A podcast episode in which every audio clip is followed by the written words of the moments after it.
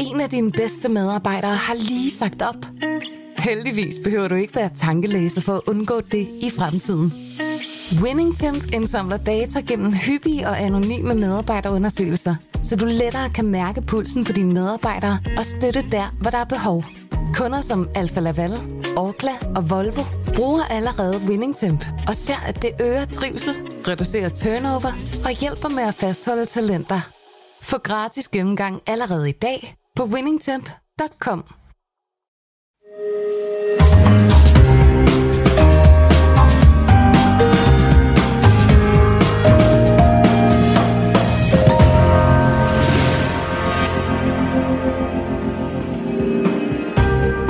Du lytter til Søren Franks Vinkælder, en podcast fra Berlingske.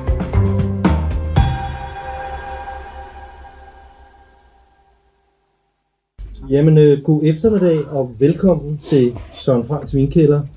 Øh, Søren Franks Vinkælder er jo en podcast, som vi normalt laver hjemme hos mig i min vinkælder, mere eller mindre. Men, øh, men vi er selvfølgelig i øh, Folkemødets anledning draget til, til Halling, fordi når man, når man har en podcast, så, så tager man til Folkemødet og laver live streaming herfra. Sådan er det bare, ellers så har man ikke en podcast. Øhm, og øh, jamen, hele ideen er jo, har vi tænkt, fordi at det, at det er et folkemøde, så øh, er det sådan set ikke os, der er de interessante i dag. Det er ikke os, der skal være smagsdommer og eksperter, men jer, der sidder her, der sidder jeg har vel 30-35 gæster eller sådan noget her. Ja, der kom lige fem her, så vi er nok på en 4-35 stykker. Her i, i, i Berlingskes hyggelige gård i, i Allinge. Så ideen er, og det kan I godt forberede jer på, I vil blive afkrævet holdninger om de vine. Øh, Søren Dam går rundt øh, om lidt med mikrofonen og spørger ind til, hvad, hvad I synes. Øh, det, det interesserer os lidt mere i dag, end øh, hvad, hvad vi synes. Men altså, som sagt nu, Søren, jo, jeg er jo vinentusiast, men du er vinekspert, så du vil jo også fælde en dom. Men uh, først så skal vi høre folkets dom, folkets ja. vinrøst. Og, og, og, og det vi også vil kigge på, vi, vi, vi vil kigge lidt på, det er klart, at vi har valgt nogle vine, som, som passer til sæsonen. Det er jo ikke nogen hemmelighed, at, øh, at det er ret lunt her. Sidst øh, Søren og Søren var, var på besøg her, jamen der var vi... Øh, der var øh, vejrudsigten lidt anderledes. Det stod ned i stænger, og faktisk måtte vi evakuere. Folk sad i biovakker, havde de nærmest bygget op, fordi det, det var virkelig et skybrud, der ville noget. Så der endte vi alle sammen inde bagved, men det, det blev alligevel hyggeligt. Og som, ja, det blev faktisk godt, fordi der var kun plads til 20 mennesker, og til gengæld var der vin til 50. Så det blev jo en festlig aften. men øh, sådan er forholdene ikke helt, men vejret er betragteligt bedre. Ja, og øh, men som, som Tom siger, øh, vores, vores store øh, chef, altså hvis det fortsætter på denne her måde, så bliver det snestorm til næste år, når vi, når vi kommer op. Men øh, altså, hvad andet end rosé kan man have i glasset, når der er når der er de her temperaturer? Vi har selvfølgelig også rosé med, fordi det er nok den vin, som trender mest i øjeblikket i Danmark. Jeg ved ikke, om I har bemærket det, hvor, hvor end man bor. Øh, jeg var oppe på Gammelskagen sidste sommer, der var der rejst vægge i hvert supermarked, man kom ind med af, af rosé.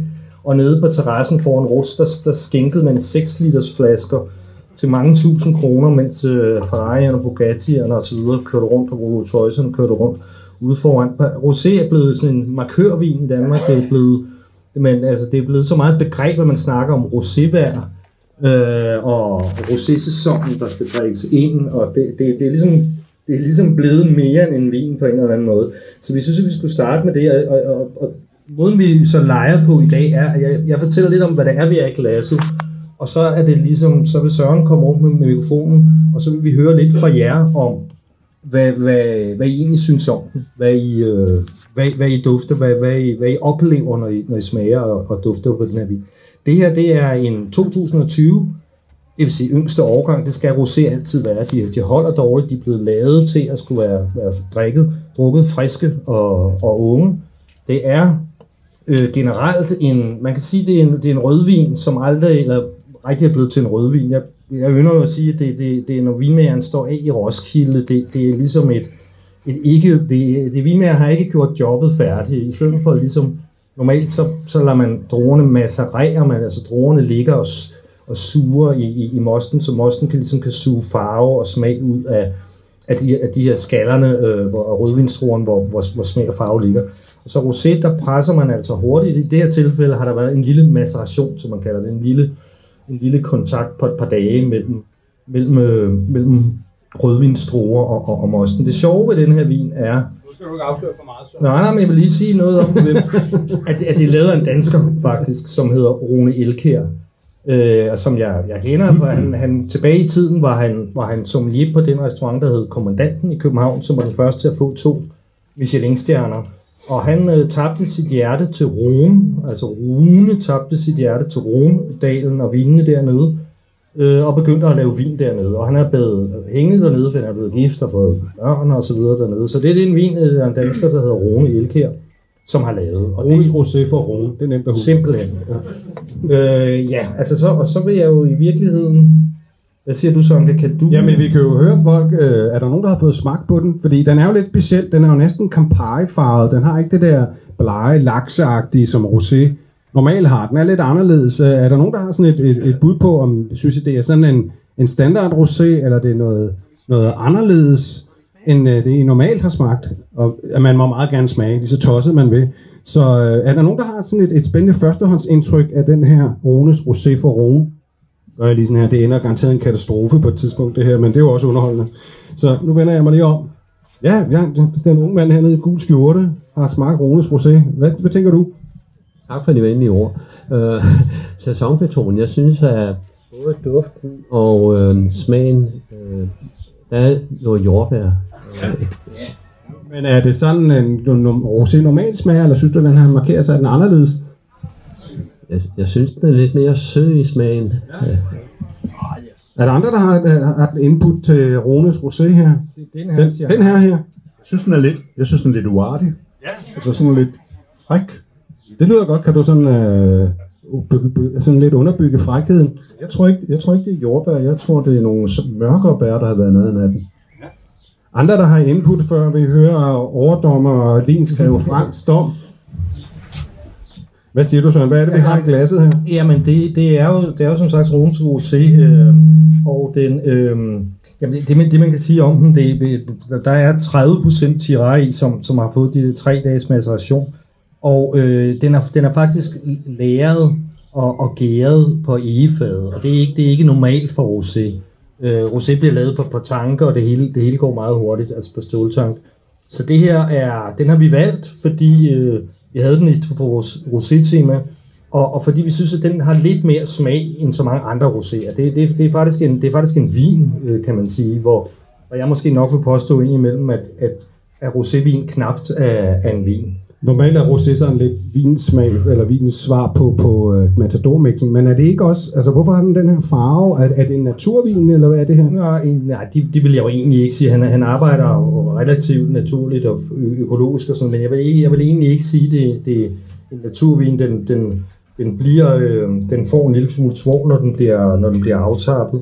Men, øh, men farven der har den fået af, at der, der rent faktisk har været tale om, at, de, at druerne, som er Syrah-druen, der har, har, har meget farvepigment, har ligget og søbet rundt i mosten i tre dage. Og det, det giver altså, hvor Domaine 8, eller de her meget, meget laksefarvede, meget blege øh, provençalske roséer, de, de er presset, som man vil presse hvidvinstruer. Altså der, der har man ikke ligget og, og, og trukket øh, farve og, og, og smag og kraft ud af druerne. Men hvad tænker du på, på øh, nu fik vi jo folkets dom her, det var, at den var lidt fræk. Ja, men det kan, jeg- det, det kan jeg godt, det kan jeg godt øh, istemme, fordi at, jeg, jeg, jeg, jeg synes, den har lidt mere end en rosé. Jeg havde overvejet, jamen, skulle vi tage, skulle jeg bare gå ned på hjemmehylden og tage en flaske, men, men det synes jeg ikke er så sjovt. Jeg, jeg, jeg synes i virkeligheden, det, med den her vin, øh, har det handlet om at, at, at vise, at hvis det endelig skal være rosé, så bare en, der, der har lidt mere på hjertet. Men jeg kunne godt tænke mig at høre, folk, altså drikker I selv rosé? Vi, så vi må høre en. Øh, Ja, altså sådan den, den generelle holdning. Hvad har man selv for forhold til rosé? Godt eller skidt, eller... Hvad man helst vil undgå? Jeg, jeg drikker aldrig andet end rosévin. Aldrig andet. Får du stop til, at du går i seng? Hele, hele året. Hele året, også om vinteren. Ja. Hvorfor den her store forkærlighed for rosé frem for andre vintyper? Ja, det, det er mange år siden, jeg gik over til det. 30-40 år siden, jeg gik over til at drikke rosévin. Så for 27 år siden købte jeg værtshus.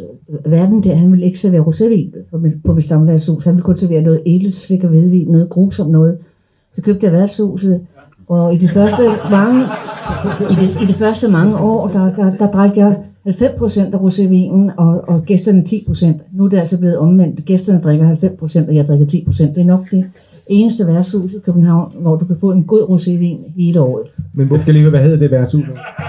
Ca- Café Nick, Nikolajgade 20. Ah, Café Nick. Ja, der, I har god rosé på tapeterne. Fremragende, Men, fremragende. men, men kan vi spørge KP, KP Nicks mor, hvor, hvor, hvad er det, du så godt kan lide ved rosé? Hvorfor rosé, og hvorfor ikke hvid eller rød? Jamen, jeg synes, det er en dejlig frisk smag. Øh, jeg ved godt, du ikke kan fordrage rosévin. Jeg læser jo Berlingeren hver dag, så jeg har, kender glimrende dit forhold til rosévin. Så jeg kan bande det langt væk nogle gange. Men øh, jeg, jeg kan godt lide den lette, luftige smag, og det skal helst være lidt lyse rosévin. Okay. Det er simpelthen det sted Men, rosé men, men, battle. men, men der er jo ikke, øh, der er nok ikke så meget tvivl om, tror jeg, eller det, det er jo så min hypotese, jeg ved ikke, om der, er- at der er blevet lavet grundforskning i det lige frem. Jeg tror, at rosé er så populær, jeg forstår det godt sådan en dag som i dag. Øh, Det er fordi, det, det er nemt at drikke. Ikke? Den måde, det er lavet på, gør jo, at, øh, at det har ikke helt den syre, som hvidvin har, som kan være aggressiv og irriterende, og den har slet ikke de her tanniner, garvesyren, som rødvinen har. For det, det ville de jo få, hvis de fik lov til druerne at ligge og søbe de her en til to uger, som de normalt gør, når man laver rødvin, så bliver der trukket en masse garvesyre ud. Det gør der jo så ikke her, og slet ikke i de der meget lyse, du godt kan lide. Og, og dermed så er der ikke så mange modhager i en rosévin. Noget, noget jeg godt kunne tænke mig at spørge, det er fordi, som jeg jo så også har skrevet ved flere lejligheder, det er et citat, som jeg, jeg elsker, og jeg var selv ved at, ved at trimme ned i stolen, da jeg hørte det, det, det øh, hvor jeg besøgte en producent, der hedder Domain Ott, som laver en, en ret dyr og, og, og ret kendt branded mm. rosévin, og der, der siger salgsdirektøren så til mig, jamen, øh, jeg spørger ham, jamen, altså, hvad, hvordan kan det være det her? Altså, hvorfor, hvad, hvad er baggrunden for Rosés kæmpe succes? Så siger han, jamen, den er så nem at drikke, at selv kvinder kan lide. Og så tænker jeg, og det var før, der var noget, der hed Vi skal, woke, vi, vi og- skal lige have... Altså, det, det, hvad, hvad siger du til det? Er det, er det, til Øh, det? jeg vil sige, at mandfolkene drikker den også ind på Ja, mit værtshus. Okay, fair nok. Jeg, Ja, jeg, jeg, jeg, jeg tror heller, altså jeg, øh, jeg vil straks skynde mig at sige og, og deklarere, at jeg sådan set ikke er enig med ham, men, men jeg citerede ham jo, fordi sådan er det når man er, er journalist, man laver reportager. Det, det var faktisk, hvad han sagde. Vi sad nede i Monte Carlo, hvor til deres årlige tennis, Rolex Masters, som, som, som var de en af medsponsorerne, og hvor de sk- skænker millioner liter af, af, af, af, Domain Ott ud. Ikke? Øhm, så det var den der helt specielle setting, og så sagde han altså de ord, som jeg har citeret flere gange, men jeg er blevet lagt for had af mange feminister, fordi de har ligesom skudt budbringeren, kan man så sige. Det, det er sådan set ikke min holdning, og grund til at jeg citerede ham var fordi så sådan noget siger man i hvert fald ikke i Danmark. Det kan godt være, man mener, men det er i hvert fald ikke noget, man siger. Og jeg tror sådan set heller ikke, det er rigtigt, men, men, men jeg tror, at succesen er meget den der, at det er uhøjtidligheden i det. Er der nogen her, øh, Niks mor der kunne, kan, kan, kan godt lide øh, rosé. Er der, no, er, der, er der andre roséhadere til stede, øh, bortset fra mig her? I? Jeg kunne godt tænke mig at vide, nu sidder der jo øh, tre unge repræsentanter for, for ungdommen herovre. Hvad er jeres forhold til rosévin? Altså, øh, jeg er ikke kæmpe fan, må jeg indrømme. Øh, jeg, jeg synes, øh, det kan også godt være, at jeg bare har smagt dårlig rosévin. Jeg synes ikke, der er så mange nuancer i den. Men hvad er sådan en øh, sådan lidt avanceret, sådan semi-natur øh, Campari-agtig rosévin som den her? Hvad gør den ved dig? Den her kan jeg egentlig rigtig godt lide. Øh, jeg synes også, den, nu sagde Søren, det ikke var en naturvin. Jeg synes, den har øh, sådan lidt naturvins øh, smag, øh, som vi er meget glade for. Ja, ja, ja, ja, det er ungdommen og naturvin. Ja, det er der, du også ligger, Søren. Ja, ja. Hvordan ungdomsrepræsentant repræsenterer Kom endelig herop. Kom endelig herop, hvis du har noget at sige. Du øh, skal være meget velkommen. Jeg, jeg, jeg, jeg håber næsten, jeg foregriber noget, men altså, jeg er blevet ret glad for øh, rosévinens modpol, orangevinen. Okay. Bare vent, bare vent. Bare vent, den kommer eller hvad? Det, det vil vi ikke Det afsløre. vil vi ikke afsløre. Okay, ikke så siger jeg ikke mere. Nej, jamen, så kan vi tage fat i det, hvis den skulle dukke op. Vi, øh, jeg synes, vi skal, vi skal skænke næste, øh, næste glas, så jeg ja. på ud. Jeg ved, jeg ved ikke, om der er nogen spande, så... Nej, men folk kan sagtens drikke op. Det er varmt, og det er lørdag, og der er ingen grund til at spytte ud. Det er kun sådan nogle skavekrukker som os, der gør det. Men øhm, ah, øh, med, det, med det næste vin, der har vi aftalt en lille, en lille juleleg. Der siger, der siger vi overhovedet ikke noget om denne her vin. Der er det simpelthen jer, der skal fortælle os, I behøver ikke at gætte producent og druer, som I skal, I skal ligesom fortælle os, hvad, hvad, hvad oplever I her? Hvad pokker er det, vi har i glasset? Og, og selvfølgelig frem for alt, kan I lide det? Og, og, og hvordan, hvordan opleves det? Det er, øhm, det, det, det er ligesom det er julelejen, så, så der er ikke, øh, den er, den er foreløbig helt, helt unuanceret. Ja. Øh, kan, kan det gå rosé, ligesom det er gået med rosé champagne? Jeg var jo nede og besøgte champagne for to år siden, inden vi lukkede ned. Vil, rosé-champagne var udsolgt i fem år.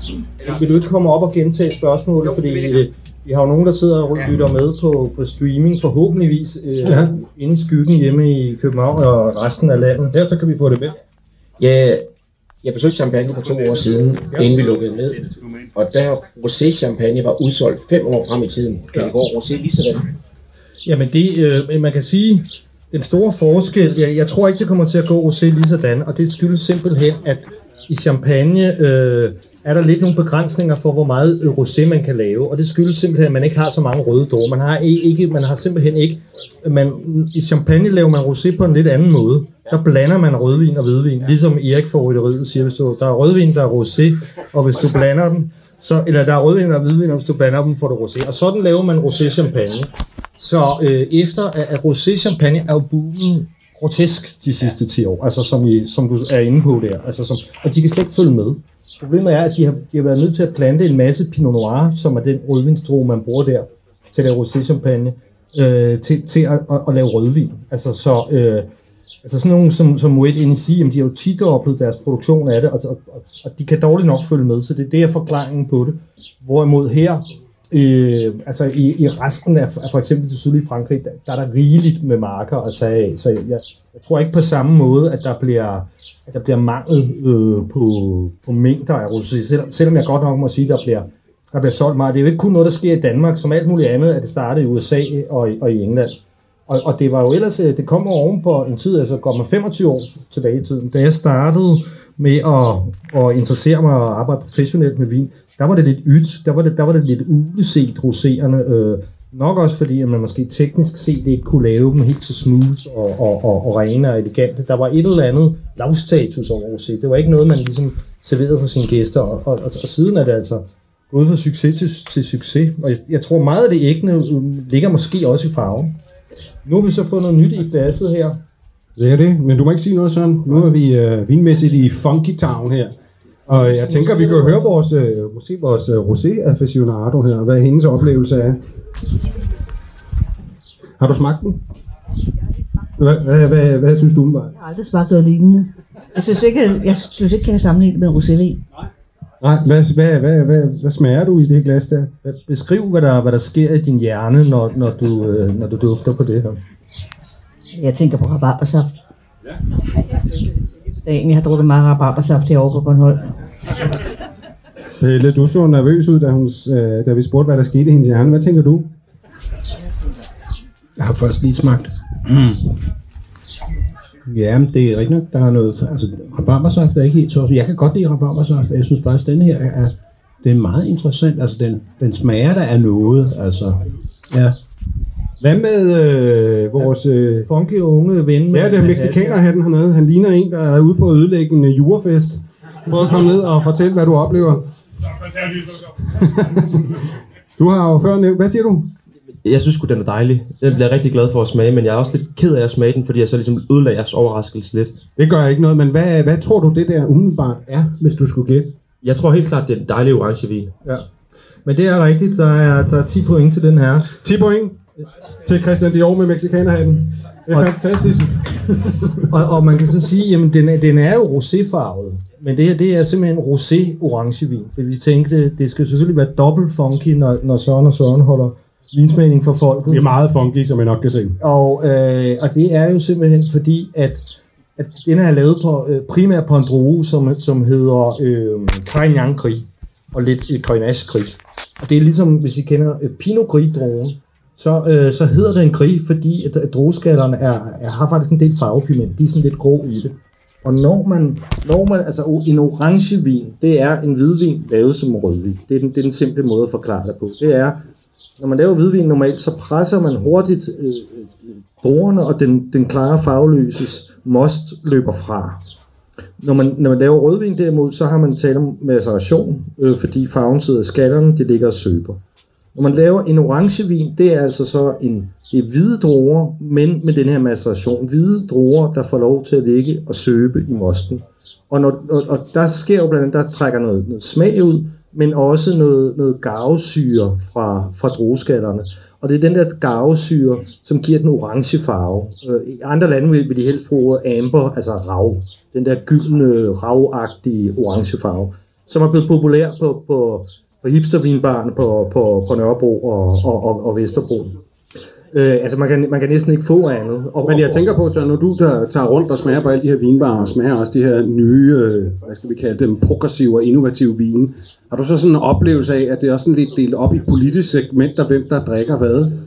Ja, altså, der er jo nogen, der vil, der er jo nogen, der vil sige, at, øhm, at, at, at det er venstreorienteret vin. Ikke? Altså, jeg har jo også tid, vi har jo et i hvert fald forhåndværende fremtrædende øh, medlem af, af venstrefløjen siden, så, så vi vil godt, vi vil godt høre, om, om, det, om det er venstreorienteret vin, det her, eller om det er borgerlig vin. Det er et godt spørgsmål. Pelle, du ser ud som om, du tænker dig om, og når du har et svar, Altså, jeg synes, det- jeg tror, jeg synes godt, den kan, altså den er, den vækker til eftertanke, så den er nok, den er nok en anelse venstreorienteret. Altså, hvad siger de øh, unge velklædte herrer herover til den udtalelse umiddelbart?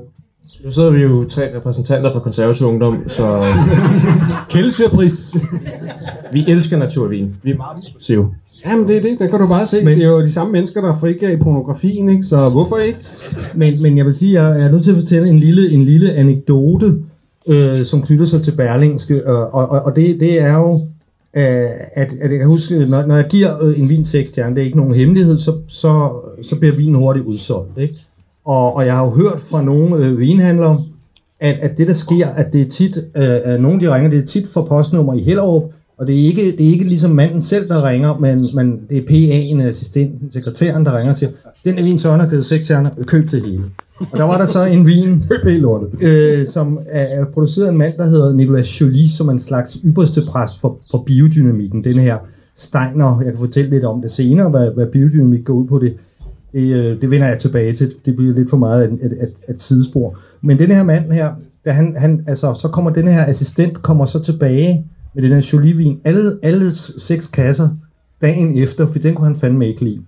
Og, og, og, og det, sagde jo, det sagde mig jo selvfølgelig noget, der er nogle, nogle forskelle, og det var fordi, det var en vin, der var lavet øh, praktisk talt uden svovl, og det, den, var, den var meget speciel, funky, den, den, den var anderledes, ikke? Øh, og, og, og, og der er lidt, der er en form for diskrepans. For eksempel, hvis man tager de københavnske toprestauranter, som Noma, som, som Alchemist, som, som Geranium, øh, som Cadeau, øh, serverer næsten udelukkende naturvin. Øh, men der er rigtig mange øh, forretningsfolk, øh, som er sådan lidt mere generelt, øh, jeg skulle ikke generalisere totalt, men er, er, er, er lidt mere konservative i deres smag, lidt mere oppe i, i alderen.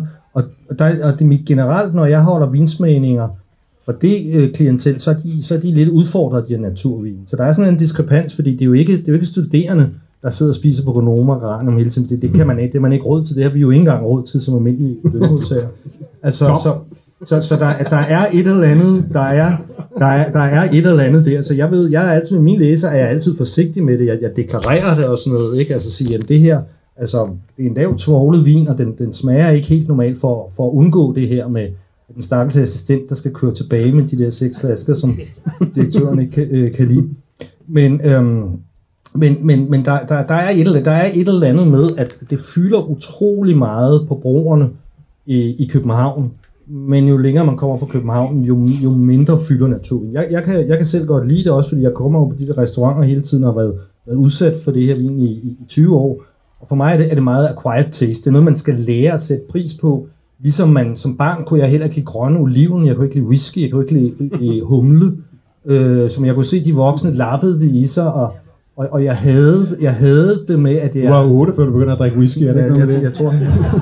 og, og, men altså, det, det, det, er, det, er, det er en smag, som man skal lære at få forstå. Selvom jeg er sikker på, at det var sådan, vinen smagte fra før, at man ha- ha- havde fundet på alle de tilsætningsstoffer. Altså naturvin er jo grundlæggende det, at man ikke bare dyrker økologisk i marken, men, men man fortsætter det, det regime i kælderen, så man tilsætter praktisk talt, altså mange, mange øh, øh, vine, sådan en vin som den her, er slet ikke tilsat nogen øh, øh, tilsætningsstoffer. Ingen enzymer, øh, ingen øh, bentonitter, ingen svovl, ingen gær. Øh, øh, altså listen af tilsætningsstoffer på en normal vin er, er, er meget lang.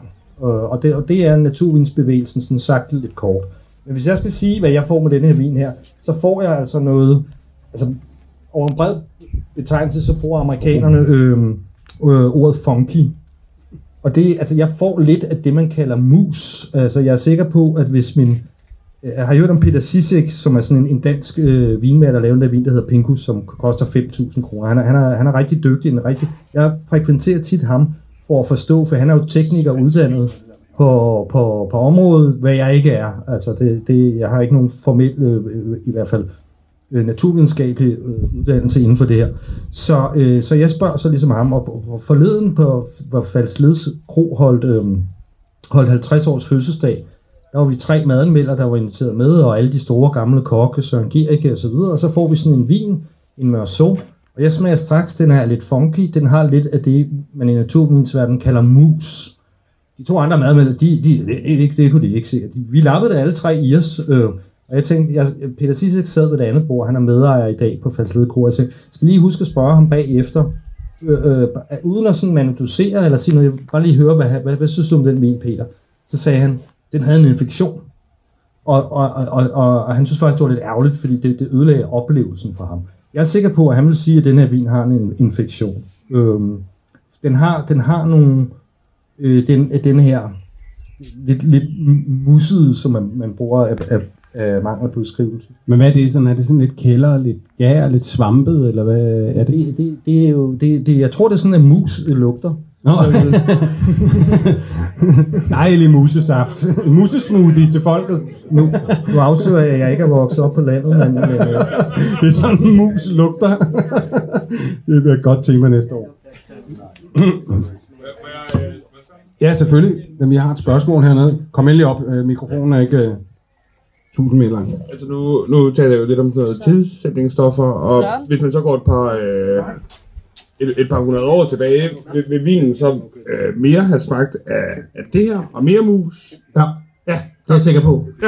Det er jeg sikker på, fordi, fordi svovl har man jo ikke arbejdet med så lang tid. Altså i, i hele taget, altså, altså gæringen er man jo først blevet bevidst om for et par hundrede år siden. Det var Pasteur. Og, simpelthen. Altså det, det her er, er, det er at vende tilbage. Jeg, jeg, jeg synes jo egentlig, det er en, en ret sund reaktion på, altså sådan bliver man jo nødt til nogle gange at, og, og hvad skal vi sige, justere på udviklingen. Fordi nogle gange kommer man bare for langt ud af et eller andet spor, og så må man bare se i øjnene og så sige, jamen det var jo ligesom, at man, man, man, man sprøjtede med, hvad ved jeg, DDT, eller hvad det hed i gamle dage. altså, øh, og så finder man jo ligesom ud af, at det har ligesom nogle, nogle, nogle kraftige bivirkninger, det her, det ophober sig i jorden, og det dræber alt, og, og, og derfor bliver man jo nødt til en gang imellem at gå tilbage. Ikke? Og det her, det er, det er også meget en, en reaktion på, på, på, som det var i, i 80'erne, hvor en kritiker som Robert Parker, en amerikansk kritiker, han blev alene meget, meget, meget dominerende. Altså så meget, at, at folk i Spanien, Frankrig, Italien begyndte at lave vin efter hans smag, simpelthen. Designede vin efter hans smag. Det blev også noget med, at vinene blev meget dyre, glassene skulle være meget fine, der skulle gemmes længe. Og så hele naturvinsbevægelsen blev, blev i høj grad en reaktion på det, og tage vinen tilbage til, til, til et landbrugsprodukt, som man godt må drikke sig fuld i, for eksempel. Og det skulle helst ikke være alt for dyrt. Altså, det var ligesom at tage det tilbage til, til landvinstingen, ikke? Så det var jo lidt ligesom punkrocken i virkeligheden. Så Søren, så hvis man nu fandt uh, Alexander den Store grav, og der lå nogle amforaer med vin dernede ja. i, så ville det sådan være lidt hen i den stil her, eller hvad, hvis det ikke havde været ødelagt af elle? Jeg, jeg har faktisk besøgt øh, udgravningerne af, det, af den ældste eksisterende øh, vin øh, altså det, øh, øh, vinkælder i verden, som, som ligger i Armenien på grænsen mellem Armenien og Georgien. Den er 6.000 år gammel. Og, øh, og hvor de lavede det nede i sådan nogle huller i jorden. Og det man jo så fandt ud af, det var også, de, der var også lidt, lidt korn i, lidt byg, altså det var, hvad der kunne hjælpe gæringen, proppede de i. Og så var der også øh, øh spædbørnknogler. Det er en funkevin. Øh, ja, jeg tror, jeg tror, jeg tror, øh, arkeologen, øh, som jeg var der sammen med, fortalte, at, at, at det her det handlede om, at øh, formentlig har det været noget rituelt med det. Altså, at, at det har været, det har været, man har offret noget. Altså, om det har været nogle dødfødt børn, man må jo håbe, at de har været døde på forhånd, de børn, før man, før man kastede dem ned i, i vinen der, ikke? Men øh, jo, jeg er ret sikker på, altså i Georgien, det, det var, altså den her bølge med, med orange vin, som startede her for 25 år siden i, øh, i, i Europa og Italien. Det, det var en, en italiener, en slovensk etnisk italiener, der hed Josko Grafner. Han var inspireret af Georgien. Fordi georgierne er de aldrig holdt op med det, at, at lave vin på den måde. Og, og man gør det, ja, det er vi er virkelig til folkemøde nu her, det er en demonstration et sted derude, hvis, hvis man kan høre noget. Hvad er det for noget? Der der er politisk slagsang ind over vores vindosering. Ja. Det er skamligt. Jamen det kan være, de, øh, der, der er noget Men mens vi, øh, Søren, jeg tænker så, om folk lige skulle øh, drikke resten af musejuicen her, og vi så øh, skal begynde at, at skænke op af det næste, sådan lidt stille og roligt. Ja. Øh, skal vi foregribe logistikken? Så øh, jeg kan se, der er ved at være tomme glas over det hele, så hvis vi kunne få lidt ekstra op fra vin nummer 3, så kan vi, øh, mens de livlige toner rammer glasset, så kan det være, at den her infernalske støj kan passere. Ja. Men en black, det vil vi ikke have ind her. Og alle må være her, men ikke, ikke dem. Der er alligevel grænser for idioti. Selvom vores høje chef selvfølgelig er sort, men... Øh, Ja, det er den, min man in black der. Men, men øh, ja, for lige for at runde orangevinen af, for jeg, har- jeg har glemt det, som jo egentlig mest adskiller orangevin. Jeg ved godt, at farven er lyserød, og det, det forstyrrer øh, af pommeren til. Men fordi at, at, at, at den indeholder garvesyre, jeg ved ikke, om I kan mærke det, det river lidt i gummerne, ligesom med rødvin. Det, det, det river godt og grundigt, ja. Så jeg er sikker på, at Nicks mor ikke så godt kan lide det her, fordi, eller hvad? Ah. Men, men, men, så, så på en måde, man kan sige, er orange det nye rosé. På en eller anden måde, synes jeg, det er måske teknisk set det modsatte. Eller, eller, eller, eller for at sige det på den anden måde. En rosé er en, en rødvin lavet som en hvidvin, og orangevin er en hvidvin lavet som en rødvin. Det er lidt teknisk, men det, det er sådan, det er, rent, rent teknisk. Jeg synes, det var en sjov vin, denne her, og øh, jeg valgte den. den jeg slet ikke snakke om, hvor, den- hvor den kommer fra, hvad den hedder. Den, den kommer faktisk fra øh, Costa Brava, fra Katalonien, hvor jeg faktisk var på sommerferie sidste år, fordi de gik i gult, og så var det jo ligesom, at, at lige så var der et vindue der, uh, man kunne komme ud af, ud af landet lidt. Men jeg kunne ikke, de, de laver en del naturvin dernede i Katalonien, men du kan ikke gå ind og, når du går ind i deres store Eroski supermarked og sådan, det, det kan du ikke få.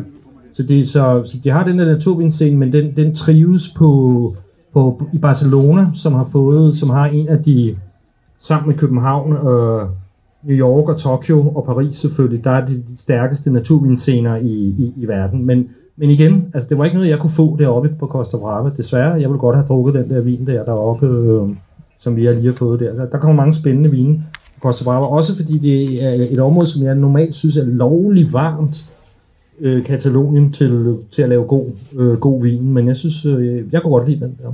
Meget spændende. Men hvad hedder det? Øh, nu bliver det lidt mere konventionelt. Øh, ah, ja. Og dog, ah, det, de, den vildeste chokvin er måske passeret.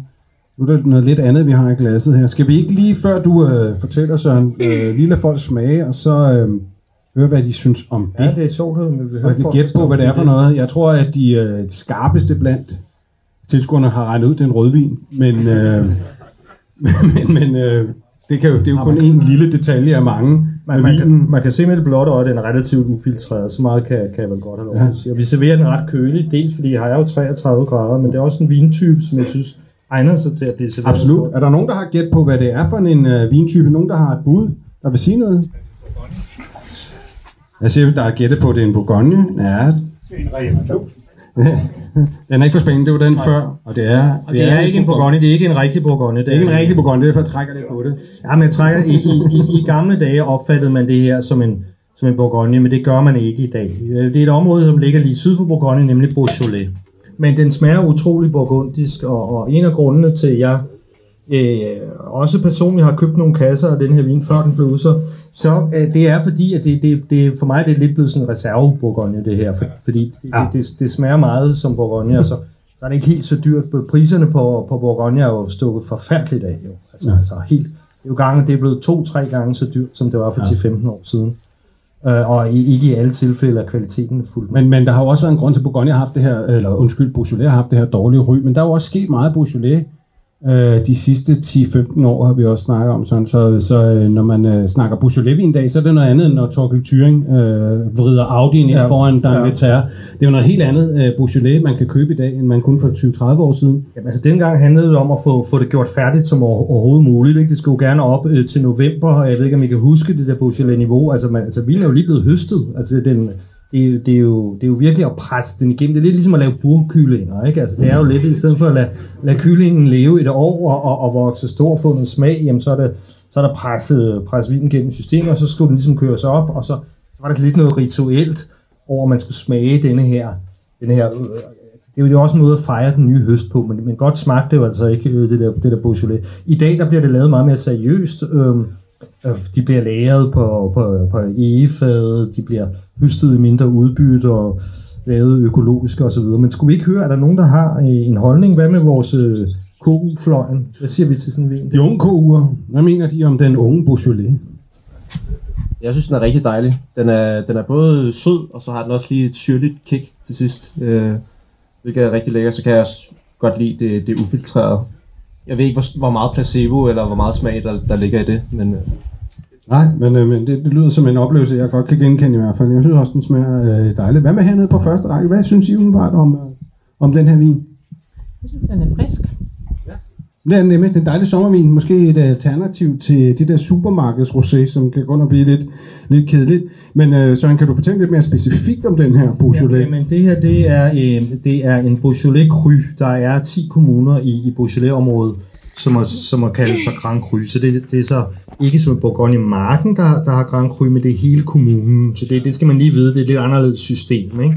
Øh, jeg foretrækker måske det andet med marken, det er jo lidt mere præcist, men det her, det hedder Santa Amour, og som man jo næsten kan høre, det er lidt, lidt feminin, ligesom Fleury også er det, så Santa Amour og Fleury, det, det er normalt de to sådan, mest indsmirrende, og dem man kan, som, som åbner sig tidligst og, og lækrest tidligt, hvor Morgon og Moulin Avant er, er, er mere mørkere maskulin og, og, og, og lidt bedre gemme på, sådan generelt set. Ikke? Så nu, nu snakker du meget om uh, maskulin og feminin. Jeg har mærket til, når man smager, smager vin med dig, så er feminin næsten altid plusord, når du ja, drikker vin. Jamen, jamen det, det er det sådan set altid. Altså, det, det. ja, men, men du, du kan generelt bedre lide de feminine kvaliteter end vin end en maskulin. Er ja. sådan en oplevelse. Hvad, hvad, er det, hvorfor, hvorfor har du den? Jamen, øh, jamen, øh, jamen det, det har jeg jo ud fra, at, at, at jeg synes, at vin handler om, om elegance og, og, og, og finesse og ikke øh, power og, og, og, og, og råstyrke. Og det var jo, det var jo øh, øh, øh altså, jeg har fortalt lidt stort før, men, men jeg ramte muren i, i 2000, jeg sad med din, din barndomsven Jesper Bolskifter, ham der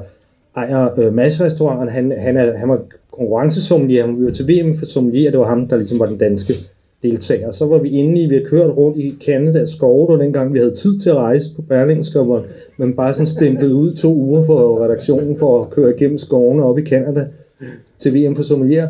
Og så kom vi endelig tilbage til civilisationen, altså fransk Canada op i Quebec og sådan noget. Det, det er meget usiviliseret faktisk. Jeg ved ikke, hvor meget I har været der, men det, men det er, det er, det er en, det er en, det er en, det er en hillbilly nation, fransk øh, Canada. Og endelig var vi tilbage i Montreal, øh, i civilisationen, og vi sidder så på den restaurant, og, og, og så skulle vi have to kanonslag. Og der drak vi, jeg kan stadig huske det. Kanonslag, det er så kraftige, tunge vin. Ja, og ja. vi drak Dalforno Amarone, og så Jackass Hill Zinfandel. Og det, der bandt dem sammen, var, at de, de indeholdt begge to 17,5% alkohol. Og, og så var det, det gik op for mig, så, så, så, så, så fik jeg denne her altså erkendelse af, jamen altså, hvis det bare handler om at blive mere og mere kraftig, hvorfor går du så ikke bare ned i Netto og køber en portvin til en 50'er? Hvis det bare handler om høj alkohol og sort vin. Det gik ligesom op for mig, det, der, der ramte det ligesom muren, og så siger okay, så skal det heller ikke være kraftigere. Og siden har jeg ligesom bevæget mig tilbage i, i mere og mere øh, lette øh, og elegante ja. rødvin. Øh. Men jeg tænker på, hvis nu for eksempel Søren han normalt, når han øh, vurderer vin, så giver han dem fra 1 til 6 øh, stjerner. Hvad vil du give den her? Jamen, den er ikke helt min smag. Øh, jeg vil nok give den 4. Jeg tror også, jeg er på 4. En høj. To, en høj 4. Hvad med nogen mand i rødt? 5. 5, ja ja. Nogle lavere, nogle der ikke er på fire, eller synes, at det er en skuffende, en kedelig, en tynd vin. Der er en der, der siger tre. Hvad har du givet den her vin, så? Jeg har givet den 6 stjerner. Okay. Det er en af de sælge, sælgende lejligheder. Og, og, og vi aftalt med villighed, det skulle jeg ikke starte med at sige, fordi så vil I, så vil I ligesom blive opinionated. Men, men øhm, det, man kan sige om den, det er en, en producent, øh, som hedder Perrault, Øhm, han, det, han hedder Bruno, manden, og hans kone hedder Isabelle, og det, historien starter for dem i 1999, hvor, hvor han faktisk bliver syg af at sprøjte med insekticider. Så starter de med at blive økologisk, så går de så biodynamisk. Øh, biodynamik, det er den her måde, hvor man, hvor man altså hvor økologerne ikke sprøjter, groft, groft sagt, så gør man ikke noget. Så, så, så øh, biodynamikerne, de behandler øhm, markerne med øh, homeopatiske ting, og det gør det ud fra en filosofi om, at naturen har en bevidsthed. Fordi altså, det mest, det mest øh, berømte produkt, som de har, eller som de selv laver, øh, er, er det der sådan noget hornmanure. Det er altså, man tager sådan et kohorn, putter komøg i, graver det ned i jorden, øh, vinteren over, tager det op igen, så det bliver til humus, så rører man nogle få gram ud i 100 liter vand. Altså ikke humus fra Mellemøsten, men... Men altså humus som i, i, i hvad hedder sådan noget, kompost. Ja, eller sådan noget. det er bare vigtigt at understrege. Og, og, og så bio, så, så, så dynamiserer man solopgang. Altså så, så, så, så tager man de her 5 gram kolort, og, og, og, og, og rører det rundt i 100 liter vand, som man så sprøjter ud over markerne med solopgang. Det, og det, det er ligesom, der kan man jo godt regne ud, at det er jo ikke mængden, altså det er jo de 5 gram komøg til en helt kæmpe mark, det er jo ikke mængden, der gør noget, men det er bevidstheden. Det er sådan, at det er Steiners tanke, at, at naturen har en bevidsthed. Altså at, at, at, at, at så man, man, man arbejder med, med, med planternes, med jordens bevidsthed. Det, det er det, der ligger i, i, i Steiner og biodynamikken, og, øh, og det, der ligger i, i den. Nå, men ham der, øh, Bruno og, og Isabel, de, de dyrker sig biodynamisk, og så er de så også på det seneste udfaset svovl. Så det, det har været sådan en typisk, et typisk forløb for sådan en, en naturproducent. Så det er ikke en funkevin, det er mere en mystisk vin næsten. Altså, jeg, jeg, får, jeg får en lille smule acetone her. Nu er det så dejligt koldt, og det, det skjuler jo så også typisk nogle af de her øh, ting, som nogen vil, vil kalde off eller mærke. Jeg, jeg kan godt lide en lille smule acetone. Tek, teknisk set, eller nejlakfjerner, eller hvad man nu kan, teknisk set er det høj, høj volatilsyre. Det er noget, man kan måle. Man kan måle volatilsyregram. Det kan man ligesom analysere sig frem til, og det er det er der rigtig mange af rødvinen, som ikke har fået svovl overhovedet. De får den der lille acetone øh, whiff af det lille acetone-noter, som, som vi har bemærket også, i, når vi laver vores podcast, så får det altid en lidt salt eftersmag. Altså ja. acetonen, der den høje volatilsyre, så får man lidt det der salte. Jeg ved ikke, om jeg, nogle af jer er gamle nok til at kunne huske Masala og Madeira. De to, det er jo to oxidative vine, som også får det her lille smule acetone, øh, der, og og, og sådan ligesom en salt eftersmag. Men jeg synes ikke, det er for meget, altså som, som alt muligt andet, det er et spørgsmål om balance. Altså det er et spørgsmål om, at, at så længe det er balanceret op af frugt og alt muligt andet, så synes jeg jo, at kan jeg mægtig godt lide det. Men nu tænker jeg på, sådan, jeg ved, at du øh, tidligere har haft øh, problemer med det øh, hos redaktionen og nu er Tom Jensen her, men jeg vil alligevel spørge dig, om øh, den her vin har det der element øh, duftmæssigt, som du nogle gange kalder røv. Ja. Er der det? Ja. Jeg synes, at der er en, en lille smule, altså her, nogle gange bruger jeg også andre ord, altså man kan jo også, stald er jo, er jo det, man normalt bruger, men man ved jo også, ja. hvad, hvad, godt, hvad der foregår i en stald. det ved man, det ved du også, selvom du ikke er fra landet jo. Nej, men øh, nu er jeg jo så et sted, hvor folk har heste, Øh, så der, der, de er jo også i stalle, og, og har jo også nogle efterladenskaber. Øhm, og så, så man, altså, den pæne måde at sige det er stald. Altså, jeg synes jo nogle gange, når det er rigtig hårdt, så kalder jeg det flodhestebur. Fordi det, så er det virkelig kraftigt. Men der var en gang, jeg kom... kom Det lyder ikke sådan umiddelbart som en feminin, livlig vin. vel? Altså umiddelbart, men hvad ved jeg? Jeg er også stadigvæk en ung mand jo. Nogen, nogen bruger også ordet landligt præg. Øh, Rurale undertoner. jeg har synes, den har en lille smule af det her. Altså manure, man kan, man kan så sige det på udenlandsk, så, så altså det, det, det lugter lidt af, om det er heste eller kolort, det, det ved jeg ikke, men, men den, den, det, det synes jeg, den har, men på den, på den, på den gode måde. På den Men vi snakkede jo også om, at netop den der note vil jo også gøre den god sammen med den her, en af dine absolute livretter, ja. den berømte indvoldspølse. Andouillet. Andouillet. Ja. Andouillet hedder den. Andouillet, ja. Jamen det ved jeg jo godt. Øh, med Morten Messerschmidt, som vi jo havde med sidst vi var her. Vi var Ja. der jo ikke i fjor, men, men sidst. Han, han siger, man må jo godt, man skal jo helst spise medisterpølse hver dag. øh, men man må godt spise siger man. andouillet hver anden dag, selvom den ikke er, er dansk. Ja, nå, det mener han alligevel. Ja, ja, han, han elsker også andouillet.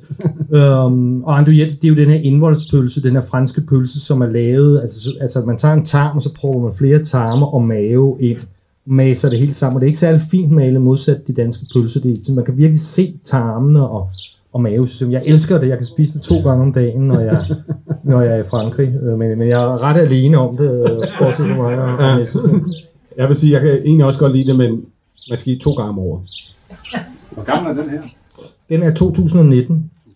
I øvrigt en rigtig dejlig årgang, som, som det er en, en, en moden årgang. Det er ikke en kølig eller u, altså det er ikke nogen grøn årgang, men, men altså, det, er jo sådan i dag på grund af, af, af klimaforandringerne, at øh, hvor, hvor, hvor, i gamle dage var de jo glade, at når, når druerne opnåede, opnåede modenhed, så er, de jo, så, er de jo, så er de jo faktisk glade nu, at, når de ikke har temperaturer som det her og tørke. Så i, i Frankrig generelt, altså både Bordeaux og Bourgogne, der har, der har 2018 og 2020 været meget, meget varme. Og, og efter min smag, jeg er ikke så vild med det. Altså, Nej, fordi normalt så, så er det jo tit de der varme årgange regnes sådan for de gode årgange, men du går typisk ikke efter dem. Nej, men det, det var jo også i gamle dage, altså det var, det, var jo, det var jo ligesom lidt fordi, at i gamle dage i Frankrig, der kæmpede de for at opnå modenhed. Så det var de der såkaldte kaliforniske år, de der tropiske år, hvor de gode år, for ah, endelig fik de store udbytter og modne dårer. Ja. Nu er det altså lidt gået den anden vej. Altså som sagt, så har der også været lang tid, hvor det har været amerikanerne, der har svunget takstokken over, hvordan, hvordan skal en vin smage. Men, men denne her 19 er, er, synes jeg, en rigtig, rigtig god overgang, som man øh, kan købe næsten blind i, i, i det meste af Frankrig, og den ligger, den, jeg, jeg køber ind af den overgang for, for at undgå 20, som, som bliver varm i, igen. Ja. Øh, og nu har jeg måttet døje med 18 i, øh, i, det er det, der har været på hylderne og på restauranterne i, i sidste år. Poor child. øh, så, øh, så 19 er vejen frem for mig i hvert fald. Men øh, jeg forsøgte også at lave en lille øh, uelegant bro der til de varme overgange, fordi at, øh, nu skal vi jo også snart have folkets vin. Ja. Den populin, øh, som er allermest populær og øh, ryge over købmandsdiskene ja. her i Danmark. Så øh, drik jeres øh, seksstjernede Beaujolais op, og så kommer der noget øh, rigtig flodhestevin her. ja, det, der, det, det tror jeg nu. Jeg, jeg, har ikke, øh, jeg har ikke smagt den før den her overgang. Jeg, jeg har altså svært ved at... Nu spytter jeg ud, for det gør jeg rutine her, når jeg... Jeg har jo drukket to glas af den. Jeg synes, det er dejligt. Det kan man høre. Ja, ja. Kunne du også høre før. Vi startede tidligt. ja, men denne her vin, øh, som, som nu er blevet, ved at blive skænket, det, det er jo det er jo noget, som er blevet på rekordtid på en eller anden måde blevet danskens vin. Det, det er faktisk blevet det så meget, at at Skand i hele taget hele Skandinaviens vin, altså det her det er en lille, det er en Valpolicella Ripasso, og det er en lillebror til Amarone. Det der sker, I, I kender sikkert alle sammen øh, Amarone, øh, og det er den her vin jo, som er lavet på let tørrede druer. Og det gør jo selvfølgelig, at den får, den får jo mere sødme, og den får væsentligt højere alkohol, sådan en, en Amarone-vin. I, i, I virkeligheden er Amarone-vin lidt en fejltagelse, fordi egentlig egentlig er det jo de her tørrede druer, man har lavet for at lave en, en, øh, en dessertvin, som hedder øh, Grecciotto, eller Val, Valpolicella. Og øh, ved en fejl, så kommer man simpelthen til at gære i noget af det her, der skulle have været en sød vin, giver det tørt, og så blev der, kom der en Amarone ud af det. Og, og indtil at, at vi skandinaver fik øjnene op for Amarone, så var produktionen af Amarone ikke særlig stor. Okay. Men, men, men det er simpelthen Danmark, øh, Norge og, og Sverige, sikkert også Finland, som står for øh, hovedparten af konsumtionen af, af, af ja. Amarone. Men jeg læste også sådan, det ved du måske, at Spritbolaget og så Coop, det er også øh, to af verdens største vinindkøbere. Ja. Altså overhovedet, så når, når Spritbolaget og Coop går ud og køber vin, så er det også sådan nogle partier, hvor de dikterer verdensmarkedet nærmest på prisen. Ja.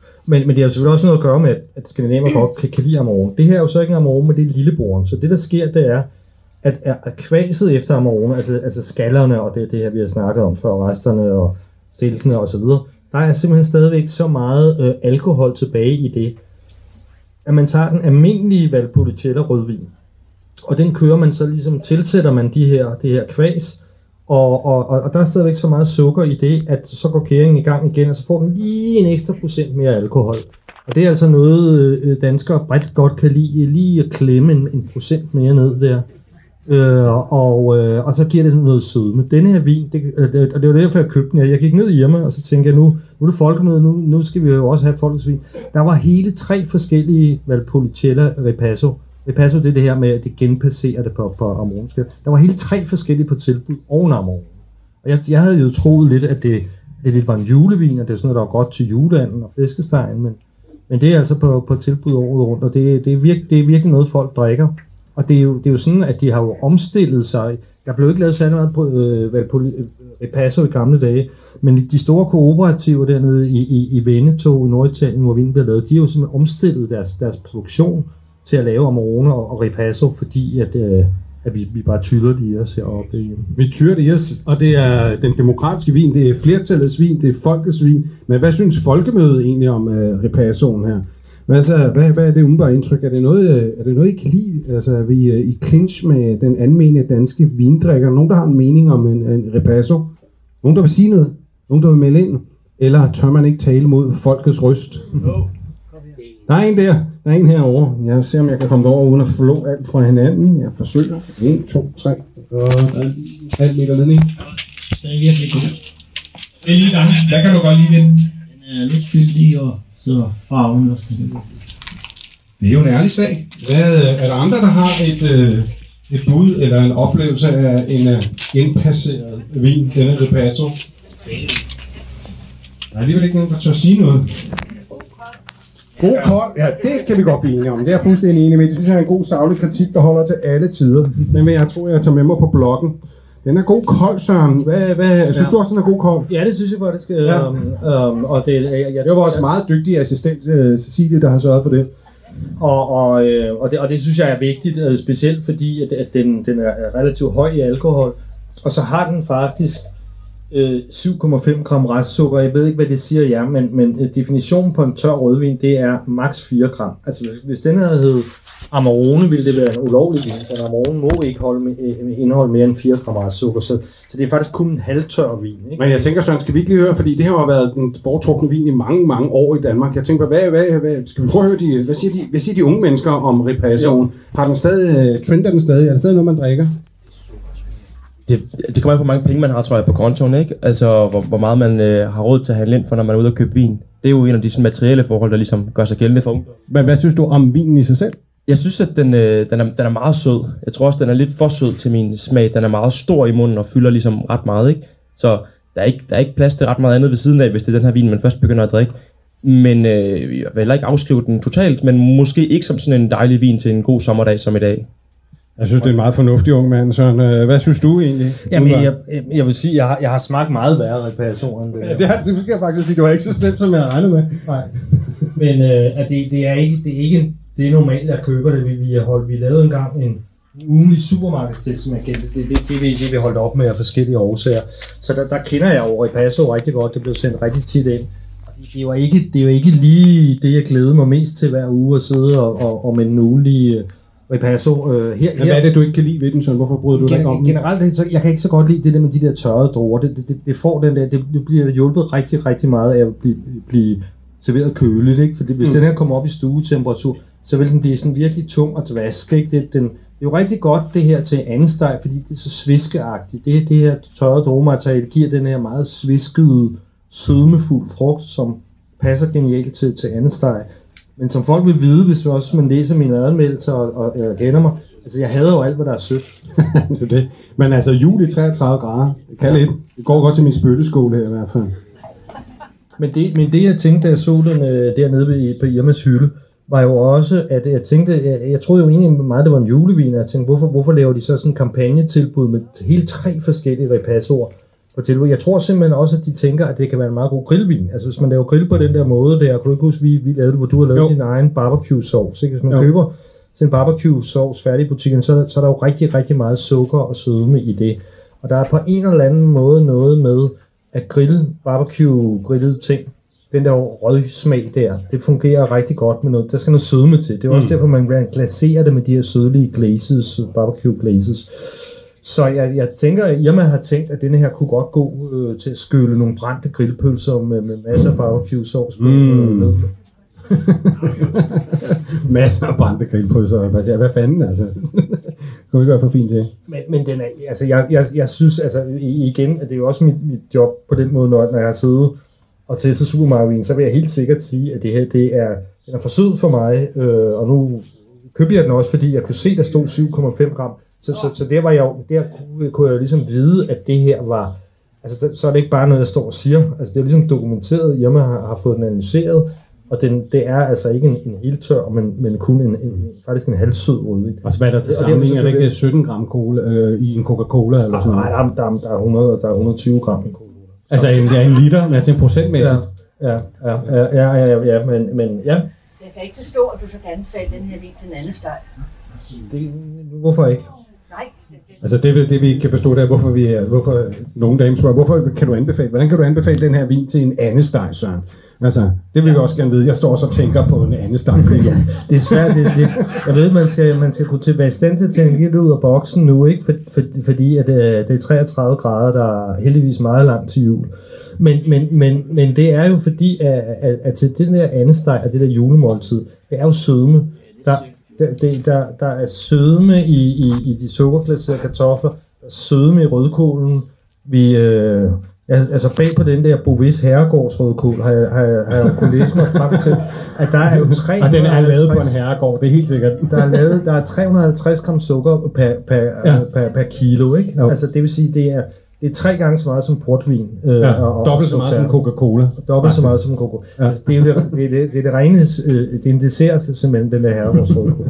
og, og sådan kan man blive med sviskerne. Der er jo masser af sødme i sviskerne. Der er masser af sødme øh, i æblerne, man putter ind i anden. Og anden og de brune kartofler, det, det er korrekt. Og, øh, og, og det er jo også fordi, at anden kan, kan godt lide det der søde tilbehør. Det kan godt lide øh, sviskerne. Og, og, og det her er jo ligesom en sviskevin, og den er meget sød. Og derfor ved jeg af erfaring, øh, vi har ikke noget andet sted, så vi kan ikke afprøve det her, men jeg ved af erfaring, jeg har jo næsten siddet hver år og, og testet, hvad skal årets julevin være. Og jeg ved af erfaring, at Amona og den her type vin går rigtig godt til. Det er altså en sviskevin til, til and, det giver mening, det er svisker og and, det passer godt sammen. Det, det er derfor, jeg anbefaler. Så det, det er lidt ud på ud for rutinen. Men du, du, du, du tvivler stadig, jeg kan se, at du stadigvæk er altså, lettere chokeret over udmeldingerne fra Søren Frank. Ja, ja, ja. Til jul i den slags tidspunkt, der, der drikker jeg jo andet end rosévin. Og jeg vil jo sige, at man skal have en sød og dejlig, eller ikke sød, men en dejlig, lækker pomerol af en passende overgang. Og jeg ved godt, at nogen vil sige, at det er for dyrt, men man ja. kan altså også godt finde en rimelig billig pomerol, hvis man kigger sig omkring. Det er min julevin. Jeg er fuldstændig enig, men jeg tror også, så godt som jeg kender Søren, han måske også vil vælge personligt noget andet Jamen, end en ripasso altså, til jule. Jamen, jeg kan godt se, at selvom det er jo, det er jo, det er jo bizart at stå på årets varmeste. Du står her og advokerer for ripasso og for julemad. Men det er jo også meget sjovt. Men, men øh, altså, der, der har jeg jo igen, jeg, jeg, har, jeg har sådan set skrevet en bog om mad og, og, og vinter, så, så jeg har virkelig brugt mange aftener af mit liv på, på at sidde og med 15 forskellige klasse vin til, til en eller anden madret for at finde ud af det her. Og, og øh, til al fjerkræ er Pinot Noir, som, jo, som er jo vin bag rød Bourgogne, rigtig god.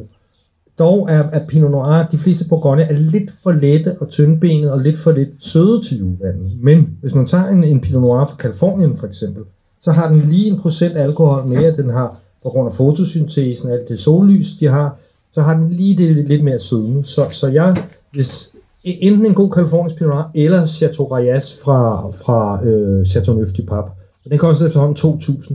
Ja, så, ja. så det er jo... men, men, den, men den smager jo fantastisk. Åh, oh, den skal vi have. Nej, desværre. Nej, det blev ikke til noget. Men altså, jeg synes jo, at vi skal, vi skal snart til at, at, at slutte, men jeg er fascineret af, at vi alligevel ender med at diskutere julemad. Det har jeg faktisk ikke regnet med. Men jeg tror, altså, jeg tror det må være noget, måske varmeste freudiansk, at vi står med to store julekopper, hvilket, hvilket lytterne jo ikke Så vi slutter af med at drikke det her, vi har spyttet ud. Trods alt ikke. Men øh, er der mere af ripasso, eller er alt tyndt? Hvorfor?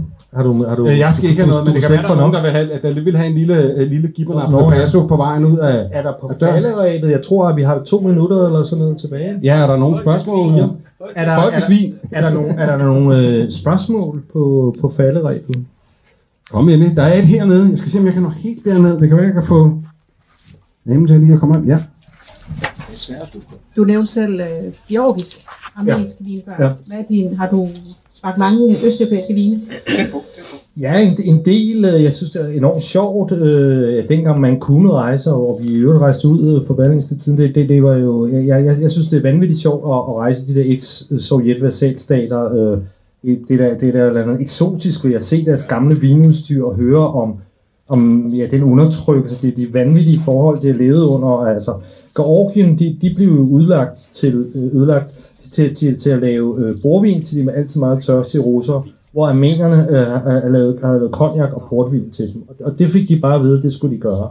Så, så Georgien har stadigvæk godt gang i deres, øh, i, i, i deres borvinsproduktion, og de, og de laver, øh, har, har en, en god generation af, ja, naturvinsproducenter. Det, det, er jo dem, det, er jo dem, det er jo dem, der ligesom har stået derfra den revival på orangevin kommer. Og der er nogle, ja, der er der en, der er en amerikaner, som hedder John Verdeman, som er sådan en slags ambassadør for dem, som jeg, som jeg kender godt. Han er sådan en Noma hangaround person, som har samlet de her georgiske bønder, som nogle af dem er, er virkelig, altså laver virkelig vin små mængder. Øh, og, og der bliver importeret en, en hel del af dem til København, som er, som er, er, er rigtig spændende. De, øh, mange af dem. Så det kan anbefales, hvis man er, hvis man er eventyrlysten, øh, fordi det er igen, det er acquired taste, det er noget, man skal, man skal lære. Og se. Armenien har, det går lidt langsommere med, med bordvinen, fordi de som sagt jo fik at vide af Sovjet, at øh, I har bare at, at, at, at lave cognac, altså brandy, og, og, og, og forstærket vin, portvin. Men, øh, men det, det, det er spændende, spændende lande og, og, og, og, og rejse i. Jeg synes også, politisk set er det jo altid interessant at, at, at møde noget på første hånd, altså hvor desværre russerne jo stadigvæk har en deres store, deres store klamme hånd øh, involveret. Og, og det, det, jeg synes bare, det er spændende at, at, at, at være der selv og, og, og snakke med folk, end, at, end at læse om det. Ikke? Og så er det jo el, el tusse gamle vinnationer, alle de østeuropæiske men det, jeg havde troet, da muren faldt, at det, at det ville vælte ind over os med østeuropæisk vin. Øh, billig arbejdskraft, og, og det er jo gamle vinnationer, men det har ikke været tilfældet, fordi så åbnede Sydafrika og Chile og den slags lande jo også op Øh, og, og, og der, har, der har Østeuropa har svært ved at, at hamle op med deres klima der, ikke? Så, men Søren, sådan, øh, vi er nået til vejs ende, ja. og vi står på øh, tæt på trapperne til øh, endnu en tropenat, så skal vi ikke lige sige øh, skål i julevin? Vi er på vej ud. Skål og tak, og, for, tak for, folk for, at I mødte op. Tak for Godt god selskab. orden. Tak, tak.